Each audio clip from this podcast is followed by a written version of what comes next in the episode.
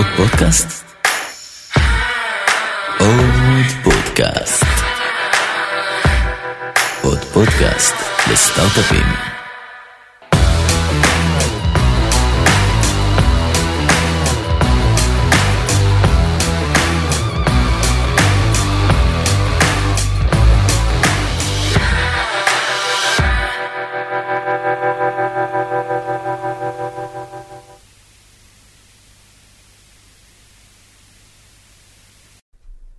היי, מה העניינים. בסדר גמור, מה המצב? טל, מה קורה?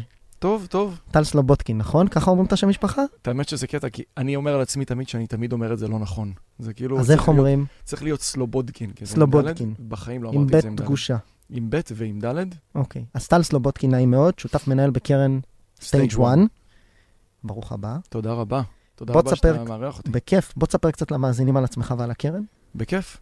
אה, בן 40 וקצת, אוטוטו 41, אה, נשוי, שני ילדים. אה, את האמת שאני אוהב להתחיל בזה שאני חיפאי גאה. אה, גדלתי בחיפה, על הכרמל, משם התקבלתי תלפיות. חבל שטומי לא פה. הוא... הוא גם חיפה. כן. יש, יש משהו בחיפה שהוא בסוף כפר קטן, וכולנו חיפאים גאים ונורא אוהבים את חיפה, ואף אחד לא גר יחזור- שם. לא לעולם. אי פעם, אי פעם. אז, אז חיפאי גאה, אה, הלכתי לתלפיות, אה, היה מדהים, באמת. life changing event. אה, אפשר לדבר אחרת על, אחרי זה על כל מיני נקודות כאלה שממש שינו את הקריירה שלי. אחרי זה שירתי ביחידה הטכנולוגית של חיל מודיעין, אה, 8-1, היום כבר מותר להגיד 8-1. מהמם. אה, גם עוד life changing event, ובסוף השירות ביחידה הבנתי שאני לא אהיה טכנולוג. לא הולך להיות עוד, אה, עוד אה, מפתח, עוד אה, CTO, עוד אה, יז, אה, יזם טכנולוגי, ובעצם החלטתי שאני טס לחו"ל והולך לעשות MBA. אה, עברתי לארה"ב, עשיתי MBA בוורטון, באוניברסיטת אה, פילדלפיה, פנסילבניה, והלכתי במין צעד אה, קצת מוזר לאותה נקודת זמן, הלכתי להיות בנקאי השקעות בוול סטריט. ועשיתי תקופה קצרה בגולדמן סאקס בניו יורק. זה אירוע שנותן לך המון פרספקטיבה על הרבה מאוד דברים בחיים. על המון דברים שאתה אוהב ועל המון דברים שאתה לא אוהב. נכון, לא, באמת, זה, זה קלישאה, אבל למדתי המון. אה, למדתי גם שזה לא מתאים לי. אה, ואז אה, בעצם קיבלתי החלטה לא, לא לחזור לשם, אלא לעבור לחוף המערבי, והצטרפתי לסיסקו. והייתי בקבוצת ההשקעות והרכישות של סיסקו בסופו של דבר שש שנים. שנים מדהימות, זו קבוצה מדהימה מדהימה. אני יודע שדיברתם עם, עם דניאל בעבר, ומקום מדהים, בית ספר מעולה. עשיתי זה שנתיים ב-Bay Area, ואז עברתי לישראל והובלתי את הפעילות הזאת בישראל. ובחלקים מאירופה וקצת מה verticals שסיסקו מתעסקים. אה, התעסקתי גם, קנינו פה את NDS ואת ניטוס, זוג רכישות מאוד גדולות, וככה פגשתי את יובל, את השותף שלי היום בסטייג' 1. אה, הייתי מושקע באחת מהחברות של סטייג' 1 הראשונה, אה, ויום אחד, אני זוכר את זה טוב, זה היה בכנס ג'רני של, uh, של EY, הוא בא אליי ואמר לי, תקשיב, אני חושב לגייס עוד קרן, מה דעתך שלב כוחות? אמרתי, תשמע, נשמע מעולה. אה, ואז התחלנו איזה כמעט שנה של אה, עבודה משותפת ש...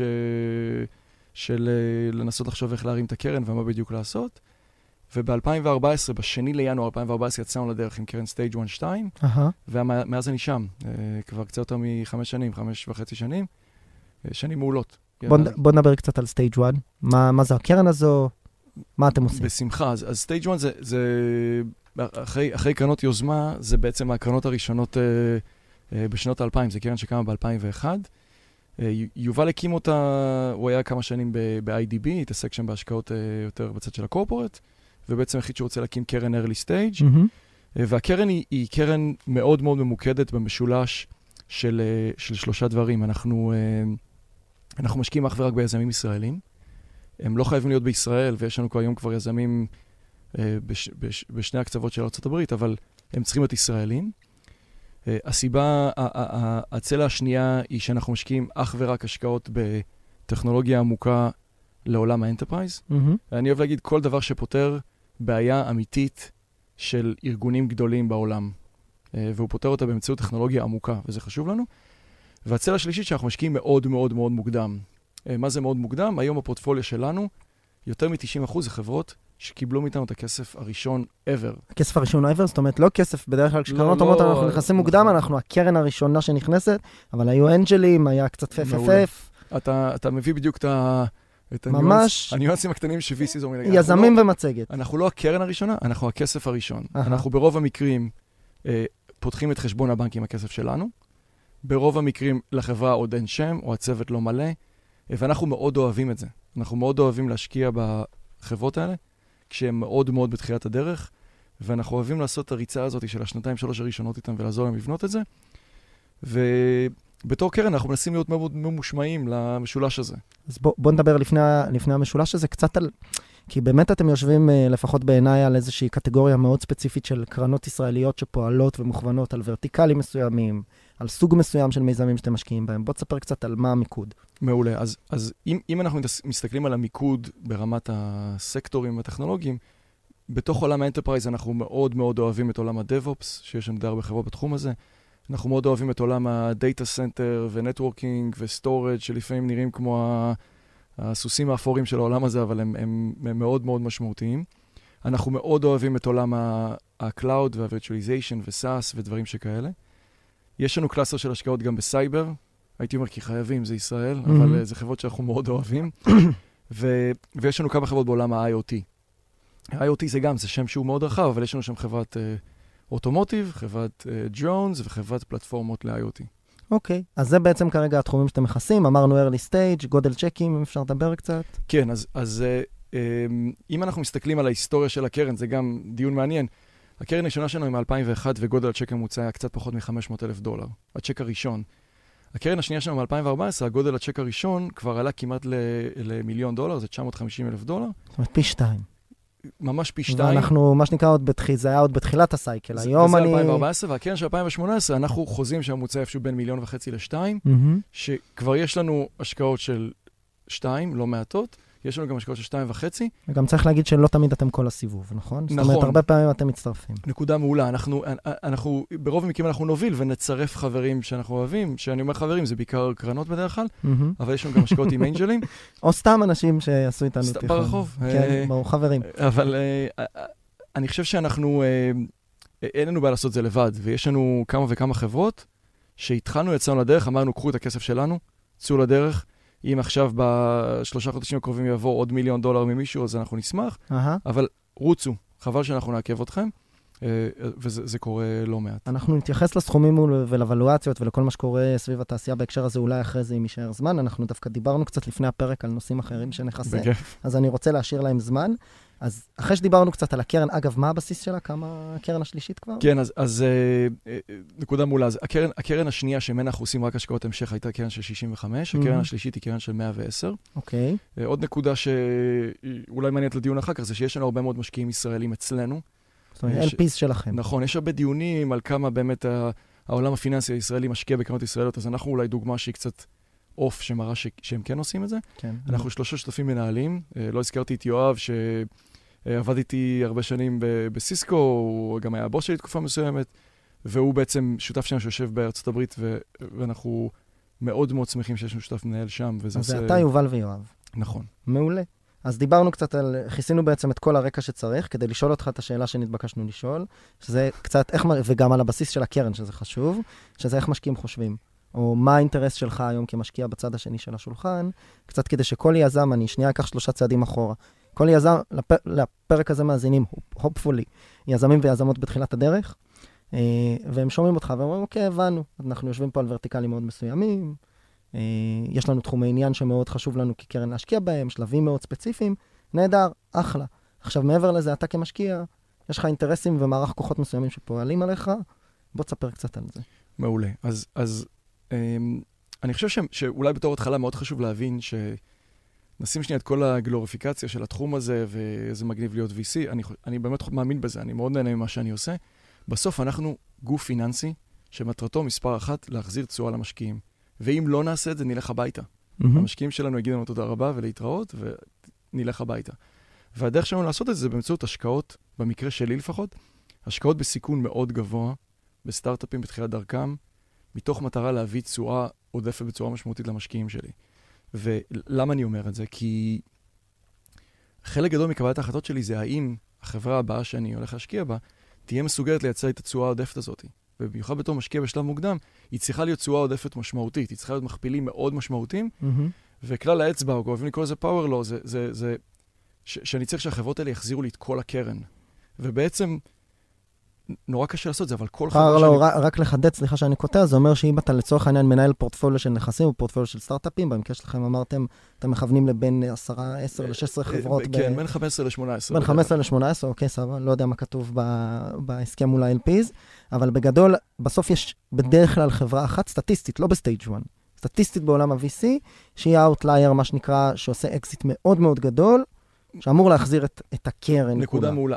בעצם, לזה התכוונת, כן. ל- כשאתה כן. מדבר ל- על. אם, אם אתה מדבר עם ה-LPs, ה-professionals, ה-fund of funds, וחבר'ה שעושים את זה הרבה זמן, הם תמיד אומרים, אנחנו רוצים לראות בקרנות שיש לפחות חברה אחת שהחזירה את כל הקרן. משם והלאה זה יסתדר. אם הצלחת לייצר חברה אחת שהחזירה את כל הקרן, א', יכול להיות שיהיו עוד, וחוץ מזה, אה, כנראה שכל השאר כבר יחזירו מספיק כדי לייצר ריטרן טוב לקרן. מהמם, אז בעצם כשנכנס יזם לחדר, אני, אני רוצה לחשוב האם הוא יחזיר לי את כל הקרן. מהמם. עכשיו בואו נדבר שנייה על המספרים. יפה. אה, ואמרנו, אתם קרן של 110 מיליון דולר. נכון. סתם כאילו, כדי נ- לסבר את האוזן. בוא נעגל את זה לקרן של אה, לא, או 50 או 100, תלוי באיזה קרנות אתה מסתכל, נגיד נעשה קרן של, 100. של 100. ההחזקה הטיפוסית שלנו בחברה, אה, שהולכת ומידרדרת עם השנים כשיש השקעות המשך, היא בערך 20 אחוז give or take, יש פחות, יש יותר. בשביל להחזיר את כל הקרן, אם יש לי החזקה משמעותית, להחזיר את הקרן פעם אחת, אני צריך להיות מעורב בחצי מיליארד דולר באקזיטים. מהמם, כי אז החלק היחסי שלי, זה יכול להיות אקזיט אחד של חצי מיליארד, או שניים של 250, נכון. אבל ככה אני אקבל חזרה פעם אחת את הקרן, שזה כמובן לא מספיק. המשקיעים צריך שלי להחזיר פי 2, פי 3. מצפים פי שתיים, פי שלוש, זה אומר כבר להיות מעורב במיליארד דולר או מיליארד וחצי דולר. נכון. תשמע, אתה, אתה מכיר את זה טוב כמוני, זו משימה קשה. משימה קשה, גם נוכח הסטטיסטיקה שאנחנו תמיד אומרים אותה פה, תלוי מתי אתם שואלים את הדוחות של, אה, איך זה מתקיים, של IVC, אבל זה אקזיט ממוצע בארץ הוא 30 עד 50 מיליון דולר. נכ- נכון, זה... שהוא venture backed, אני שם את המובילאיים והמלאנוקסים נכון. אם בצד. אתה, מ- אם אתה מוריד את, מה שאוהבים לקרוא לו mega deals, כן, יש כאלה שיגידו 30-50, שיגידו 50-80, עזוב, זה עדיין הרבה מתחת למספרים. נכון. עכשיו, אתה, יודע, אתה יכול לשאול אז למה LPs ממשיכים להשקיע, אבל אני, אני חושב שהנקודה שצריך להבין זה היה לנו פרק על זה עם זוהר גילון. על למה הם ממשיכים להשקיע. כן, על הלוקציה ועל ריסק אה, זה- ועל זה אה, ניהול נכון. סיכונים ועל העובדה שהיום קרן הון סיכון, בפועל כוויקל, היא ויקל מאוד מסוכן, אבל כשאתה מנהל שלושה טריליון דולר, ואתה שם 0.2% מהכסף שלך, זה בסדר, אפשר. אני אגיד לך יותר מזה, גם אה, סטטיסטיקה מעניינת שאני מציע לכל היזמים להסתכל עליה, זה לראות איך נראים ריטרן של VCs. אתה בסוף רואה שהרביעון, ה top quartile העליון, אה, בדרך כלל, כדי להיכנס לרביעון העליון, תלוי בשנים, אבל אתה צריך להחזיר בערך פי אחד וחצי על הקרן או משהו כזה, ואתה הופך להיות שלילי מאוד מהר. זאת אומרת, אה, בחלק מהשנים, וזה נמדד תמיד ב vintage years, יש שנים שבהם אם החזרת 70 cents על הדולר, אתה אחלה. אתה אחלה, אתה, בא, אתה, יותר, מ, אתה יותר מהממוצע, וזה עגום. זה כן. עגום. כי, כי אם החזרת 70 סנט על הדולר, נכשלת חמורות. נכון. עכשיו, אה, מהותית, מה שנקרא. עכשיו, אנחנו, אנחנו, חלק מאיתנו בקרן מאוד אה, אה, אוהבי מספרים, ואנחנו משקיעים הרבה זמן לחשוב, אוקיי, אז איך אני משפר את זה? איך אני עוזר לדברים האלה לקרות? ואני חושב שמה שבסטייג' 1 עובד לנו טוב, זה שאנחנו מנסים להיות מאוד מאוד ממושמעים ומאוד מאוד מדויקים. אנחנו מנסים להשקיע רק בתחומים שאנחנו מבינים מאוד טוב, ואנחנו רוצים לקוות שיהיה לנו תחושת בטן טובה, האם זו חברה אמיתית שתהיה גדולה או לא גדולה. מהמם. ומצד שני, אנחנו מנסים להיות מאוד מושמעים בכמה החזקות יש לנו, ואיך אנחנו ממשיכים לעשות את הפולו-אונס, ואיפה אנחנו מפסיקים להשקיע. וצריך להבין, זו שיחה שמתבצעת כל יום בקרן.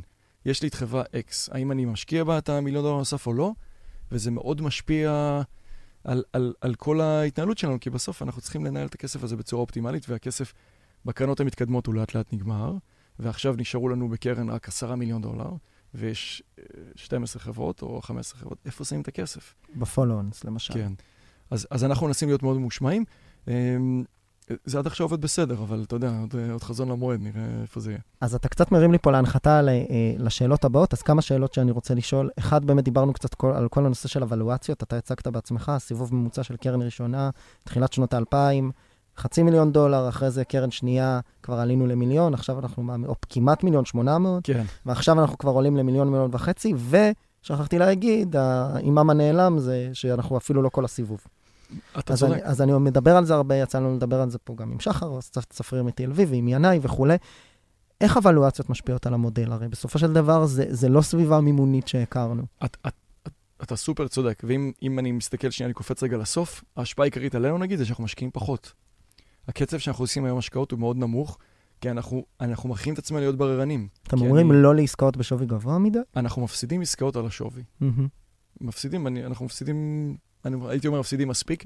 יש לנו... ומהזווית של היזם, זה בריא לה להיכנ- להתכנס לסיבובים של אה, 8 מיליון דולר על מצגת אה, בשווי של אה, 15, אני יכול להגיד 20, לך ש... 20 פרי? אם אתה רוצה את הקוריוזים, אוקיי. לנו לפני כמה חודשים הגיעו קבוצה של יזמים סופר מוכשרים. באמת סופר, אני מכיר חלקם מהצבא, אנשים סופר מוכשרים. באו בלי מצגת, לא הכינו מצגת. אמרו, אנחנו מגייסים 10 מיליון דולר וחשבנו על פרי מאני של 50. אתה יודע, אמרתי להם, חבר'ה, אתם מוכשרים, אולי תצליחו לקבל את הכסף הזה, ואולי מישהו מאמין בזה וילך על זה וזה מעולה. זה, זה לא מגרש שלנו, זה לא משהו שאנחנו בכלל יכולים לחשוב על לעשות. כי בסוף, חוזר לשאלה הקודמת, צריך להחזיר כסף למשקיעים. מהמם. וכשאנחנו עוקבים אחרי הפאנל שלנו, אה, שני השלבים האחרונים שלנו בפאנל זה negotiation ופורטפוליו.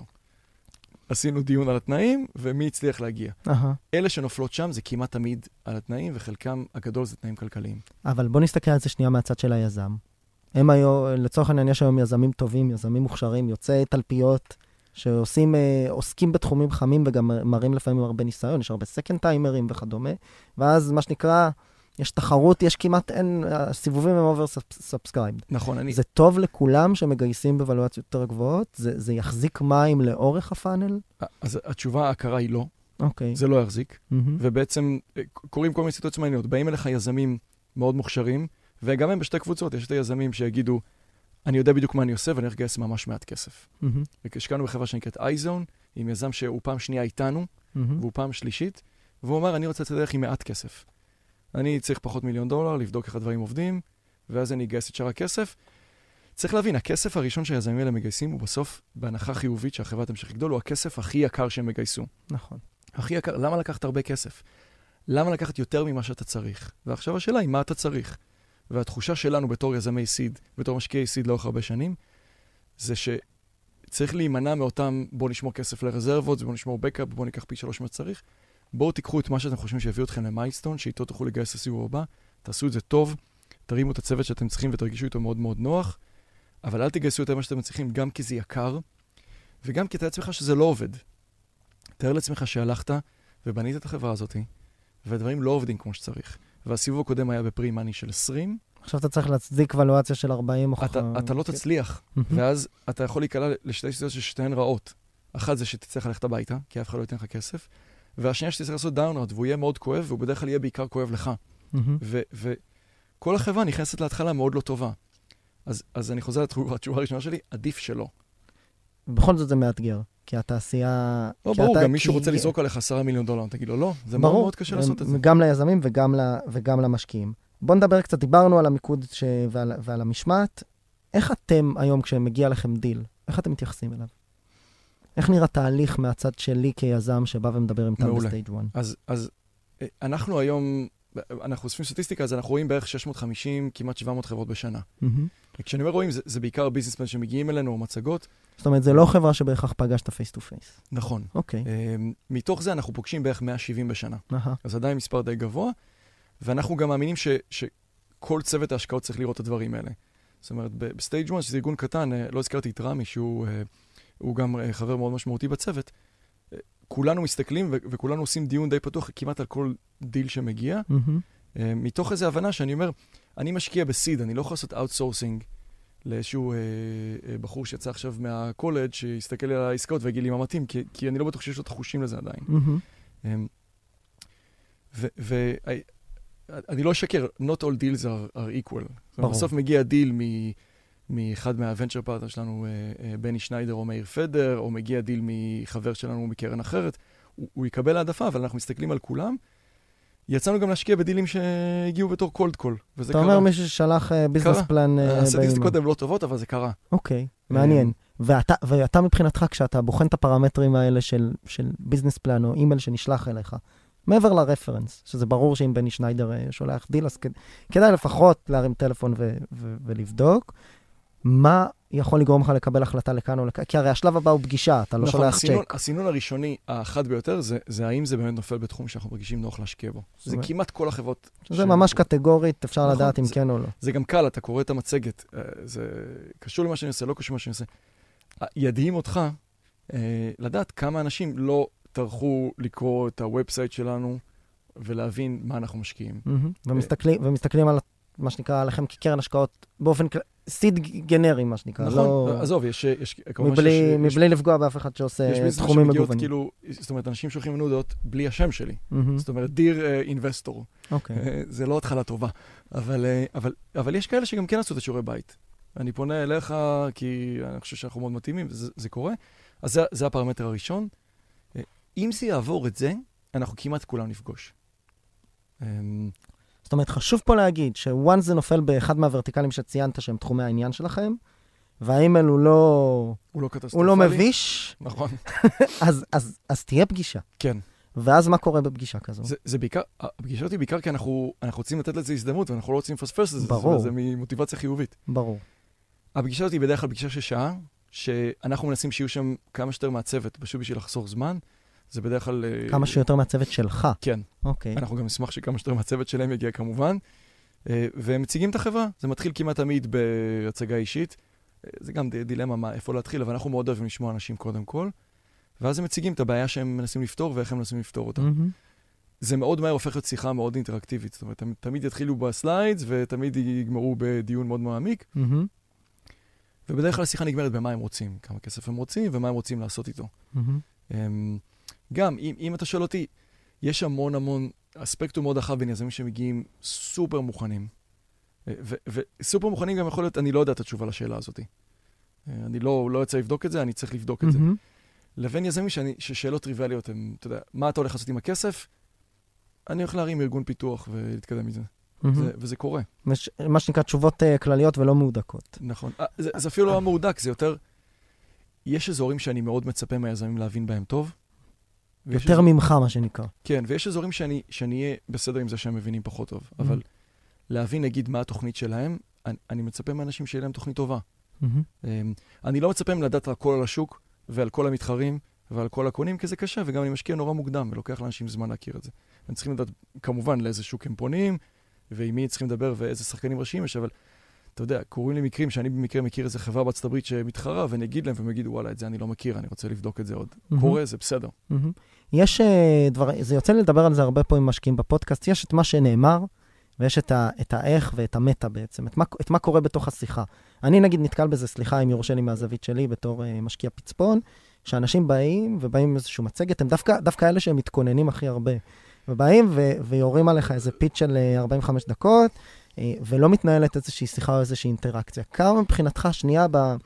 בהטיות הפ- הפסיכולוגיות, בפילוסופיה של הדברים, כמה, מה במטה היית ממליץ לעשות? אה, מצגת לא מצגת, פיץ' לא פיץ', שיחה לא שיחה. אתה סופר צודק. זאת אומרת, אוקיי. בסוף כולנו בני אדם, והבן אדם נכנס לחדר, היזמית או היזם נכנסים לחדר, והתחושות בטן שלך בעשר דקות, חמש דקות הראשונות, הן אקוטיות. ואני אני לא מזמן פרסמתי איזה, איזה כתבה קטנה, שאני אני המלצתי לאנשים ליצור קשר עם משקיעים שהם רוצים שישקיעו בהם הרבה הרבה זמן לפני הגיוס. מהמם. בוא, תפגוש אותם, תספר להם מה קורה. אה, הייתי אומר שלא יודע מה, שליש מהזמן שאני פוגש אנשים חדשים, הם אנשים שלא באים אליי עם, עם בקשה קונקרטית. מהמם. תקשיב, השתחררתי, אני חושב מה לעשות, זה א', ב', ג', מעניין אותי, פנו אליי עם הזה, מה דעתך? הרבה אנשים באים להתייעץ, ו- ואני חושב שהם עושים את זה בצורה מאוד מתוחכמת, כי בעצם הם, הם, הם נותנים לי מבט מאוד טוב עליהם ועל מה נכון, מציק להם, לא ב, יותר ברמה של בוא תיתן לי פידבק, ולא ברמה של בוא תשקיע בי. כן. אבל שם את זה שנייה בצד. אמ, אני, אני מאוד מסכים מה שאמרת על הפיצ'ים המאוד מהודקים, שמישהו בא ונותן לך עכשיו 45 דקות שהוא שינן אותם מול המראה במקלחת, זה כנראה פחות טוב. אתה בסוף רוצה מישהו שמבין מאוד טוב מה שהוא עושה. למה זה פחות טוב? אני יודע, אני חושב שאני יודע את התשובה, אבל אני רוצה כאילו בשביל אה, שישמעו אותך בהקשר הזה. אמ, א- א- אני- א', אני חושב שזה עובר פחות טוב. אה, כי יש המון ערך באינטראקציה, בשיחה הזאת. יש המון ערך בזה שאני שואל אותך שאלות שקצת מוציא אותך מהשיווי משקל, ואתה יודע לענות עליהן, לא כי התכוננת, אלא כי אתה מכיר את זה. לא כי הכרחתי אותך לחשוב על מהם חמשת התשובות הנכונות לשאלה הזאת, נכון. אלא כי קמת בבוקר היום ודאגת מהבעיות האלה, והן מציקות לך. והרבה משקיעים אוהבים להגיד את זה, אבל בסוף אנחנו מנסים, we are trying to partner with our entrepreneurs. הם תמיד הנהגים של הסירה הזאת, או של המכונית מרוץ הזאת, או של איך תקרא לזה. ואנחנו במקסימום מנסים להיות השותף הטוב שלהם בנסיעה, שיושב שם עם המפה ואומר להם, לא, חבר'ה, תקשיבו, פה צריך לקחת ימינה, כי אם לא, אם לא ניקח ימינה זה ייגמר לא טוב. והוא... לפעמים מקשיבים ולפעמים לא, וזה בסדר. לא, גם הם הנהגים, והם הם קובעים, ו- ולא קראנו אי פעם בסטייג' 1 שאנחנו קבענו משהו בשביל, ה- בשביל היזמים שלנו. ואני רוצה מישהו שיהיה לי נחמד איתו באוטו, מהמם. שנשמע את אותה מוזיקה, שנאכל את אותם אה, munchies בדרך. זאת אומרת, יש פה גם מרכיב אה, אה, אינט, אינטר, בין אישי מאוד מאוד חזק לגבי היכולת שלך להתחבב עליהם ועל היכולת שלהם להתחבב עליך. זה משהו שקצת לא פרי להגיד, כי בסוף אנשים באים עם איזושהי רובריקה של הנה, יש לנו את השוק ואת הבעיה ואת ה vertical, ואנחנו עשינו את הדברים הנכונים בצבא, ואנחנו בונים את הטכנולוגיה הנכונה, and yet, בסוף you need to feel a connection. בטח בע- בעולמות של stage. תשמע, אמר את זה אה, אה, השותף שמנהל היום את אנדריסון הורוביץ, הוא היה פה לפני כמה אה, חודשים בארץ, הוא אמר, תשמע, זה, אם אתה מסתכל על סטטיסטיקה של נישואים בארצות הברית, נכון, זה היה משפט נפלא. אני חושב שהוא אמר שזה, אני לא זוכר אם זה שנתיים וחצי או שלוש וחצי. מה, סטטיסטיקה של נישואים? הוא אמר לדעתי? סביב, אה, סביב חמש, ויזמים זה סביב שמונה, תשע. סו- הפער- היה מאוד גדול. נכון, של כמה שנים. בעצם, בעצם רוב הסיכויים של רוב היזמים האלה, שהם יאלצו במרכאות לסבול אותי הרבה יותר משהם סובלים בתרחיש החיובי. בתרחיש החיובי את, את, את אה, בנות או בני הזוג שלהם. מהמם. אני, אני מציע להם בחום, כמו שאני מתרגל גם על עצמי, ליהנות מהאירוע הזה. וליהנות מהזמן שהם מבלים איתי, כמו שאני רוצה ליהנות מהזמן שאני מבלה איתם. ואם אין שם כימיה וזה לא עובד, זה, זה מאוד מהר נהיה לא נעים, כמו נישואים שלא עובדים. ש- שאלה, עכשיו, אני- אני אוקיי, סליחה. רוצה משפט אחרון על זה, כן. כי, כי זה חשוב. אם אני, אמרת שיש הרבה מאוד יזמים שמקשיבים לזה, אני ממליץ להם בחום רב לעשות עלינו הרבה שיעורי בית. Mm. לכו דברו עם כל החברות פורטפוליו שלנו. יש לכל משקיע בדרך כלל 6, 7, 8 חברות, זה שמונה טלפונים שצריך לעשות. זה מישהו שיהיה איתך, יכול להיות עשר שנים עכשיו. לכו תעשו את הטלפונים האלה, תפגשו את האנשים האלה לקפה, ותגידו להם מתי טל סלובודקין היה נורא מעצבן ולמה הוא היה מעצבן. ומה אהבת ומה הוא עזר, ואיך האינטראקציה איתו, ולמה אני חייב שהוא יהיה בבורד שלי. מהמם. זה חשוב, כי, כי אני, אני עושה אותו דבר עליהם, ואין סיבה שהם לא יעשו את זה. ברור, ברור. אז אני רוצה שנייה שאלה אחרונה בהקשר הזה, וזה משהו קצת יותר ממקום אישי. אנחנו גם מדברים על זה הרבה בתוך הפעילות שלנו, לגבי החיבור האישי הזה, והטיות פסיכולוגיות לגבי למי אתה משקיע ולמי לא. אני אגיד פה משהו שאולי אני לא אמור להגיד. אני משתדל שבכל מחזור אצלי יהיה מישהו שברמה האישית, אני לא יודע איך לאכול. דווקא בגלל שאני לא יודע איך לאכול אותו. כן. שכל מה שתיארת, סליחה שאני רואה פה את המבט, אני, אה, אני זה, חושב שזה... אני אומר, כי דווקא, כי דווקא מתוך ההבנה שאני כמנגנון אנושי שמייצר איזושהי אינטואיציה לומ- שהיא חצי לומדת, ובעיקר סובלת מהמון הטיות, אני תמיד משתדל שבכל, זה- מח... שבכל מחזור יהיה לי מישהו שאני אומר לסיימון, וסליחה עם כל היזמים שפה שהשקענו בהם, שעכשיו חושבים עכשיו מי, מי הם. מי, מי הם, יש 36, אז זה בסדר, 36 חברות, אז זה בסדר, נכון לזמן אה, זה. תופס אתכם? אתם לפעמים אומרים, אנחנו לא מבינים, נקודה מעולה. אוקיי. א', אה, אה, אה, אנחנו לא מבינים, אבל נלך על זה? אני, עונה על זה זווית אחרת וזה יחזור לזה. אז, אנחנו, הרבה פעמים שואלים אותי, מה התכונות של יזמים שנורא נורא חשובות לך? ו- ואני אומר, אחת מהתכונות שמאוד חשובות לי זה, זה רזיליאנט, שהם יהיו מסוגלים לעמוד ב... ב- בכל ה... רוב המסע הוא מסע מפרך ומבאס, ונופלים עליך המון צרות, נופלות עליך צרות, ונורא קשה, ואין כסף ויש כסף, וזה...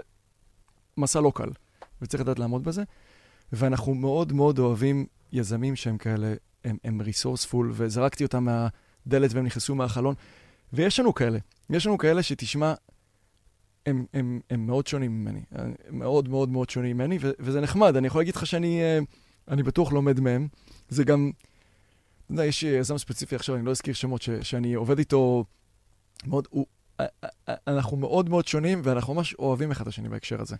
שכל אחד מאיתנו הוא, הוא, לא, הוא, אני אדבר איתו ואני פתאום אתפקע בצחוק, אגיד, תשמע, בחיים לא הייתי עושה מה שאתה עושה עכשיו, אבל יאללה, בוא נזרום איתך, זה, יכול להיות שזה יעבוד. הבנתי. אני רוצה שנייה לעבור, אה, דיברנו על הצד השני של השולחן כל הזמן, קצת על איך משקיעים חושבים, על, על האינטרסים, על איך נראית פגישה. בואו נדבר קצת על הצד של היזמים. דיברנו על זה גם לפני הפרק, קצת על אה, החשיבות של התאגדות מוקדמת, הסכם כן. מייסדים, איך אתה, מה הקטליזטורים שאתה רואה שהם גו- בוליאנים 0 או 1 להשקעה מבחינתך, מעולה. זה בצוות.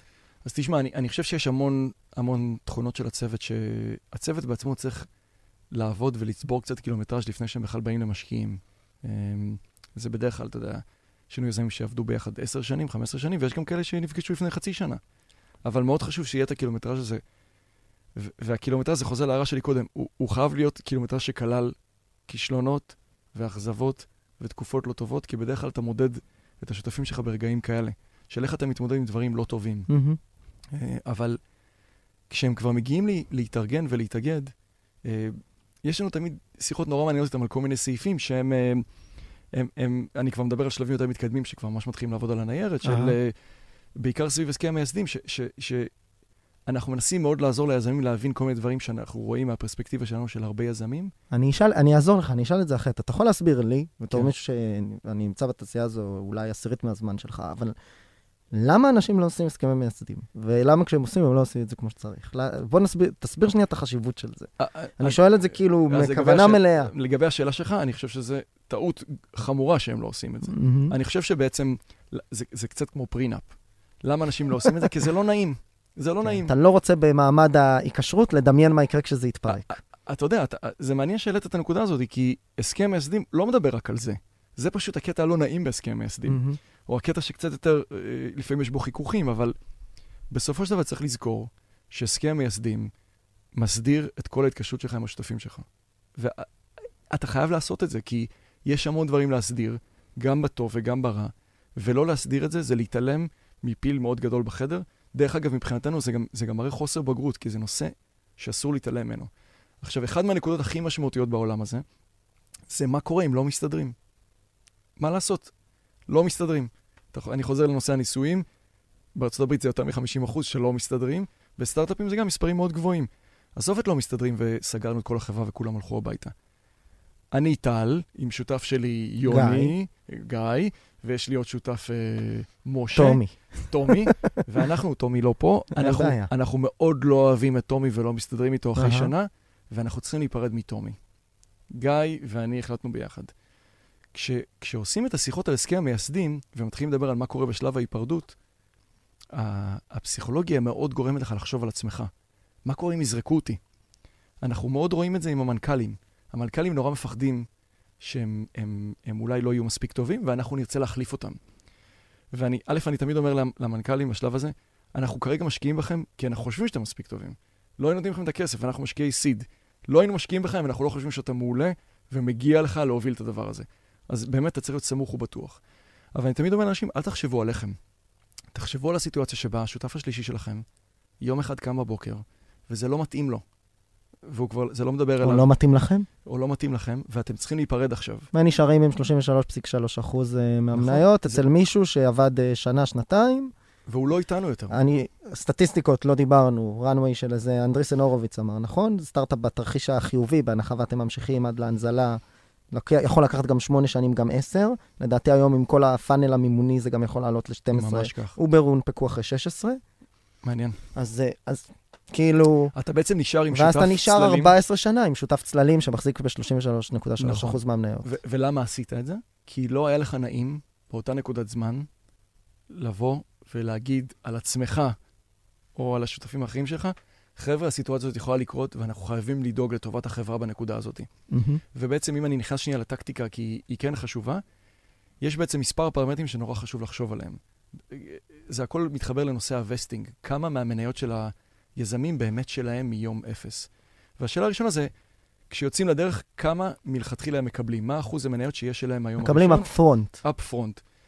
הייתי אומר, בהשקעות seed זה בעצם פרמטר של כמה עבודה הם כבר עשו, ובעצם במירכאות מגיע להם על מה שהם עשו כבר עד שהם הגיעו. מספר אצבע זה איפשהו בין 0 ל-10-15 אחוז. שזה דיון שכאילו, אני מניח שאנשים שומעים את זה עכשיו.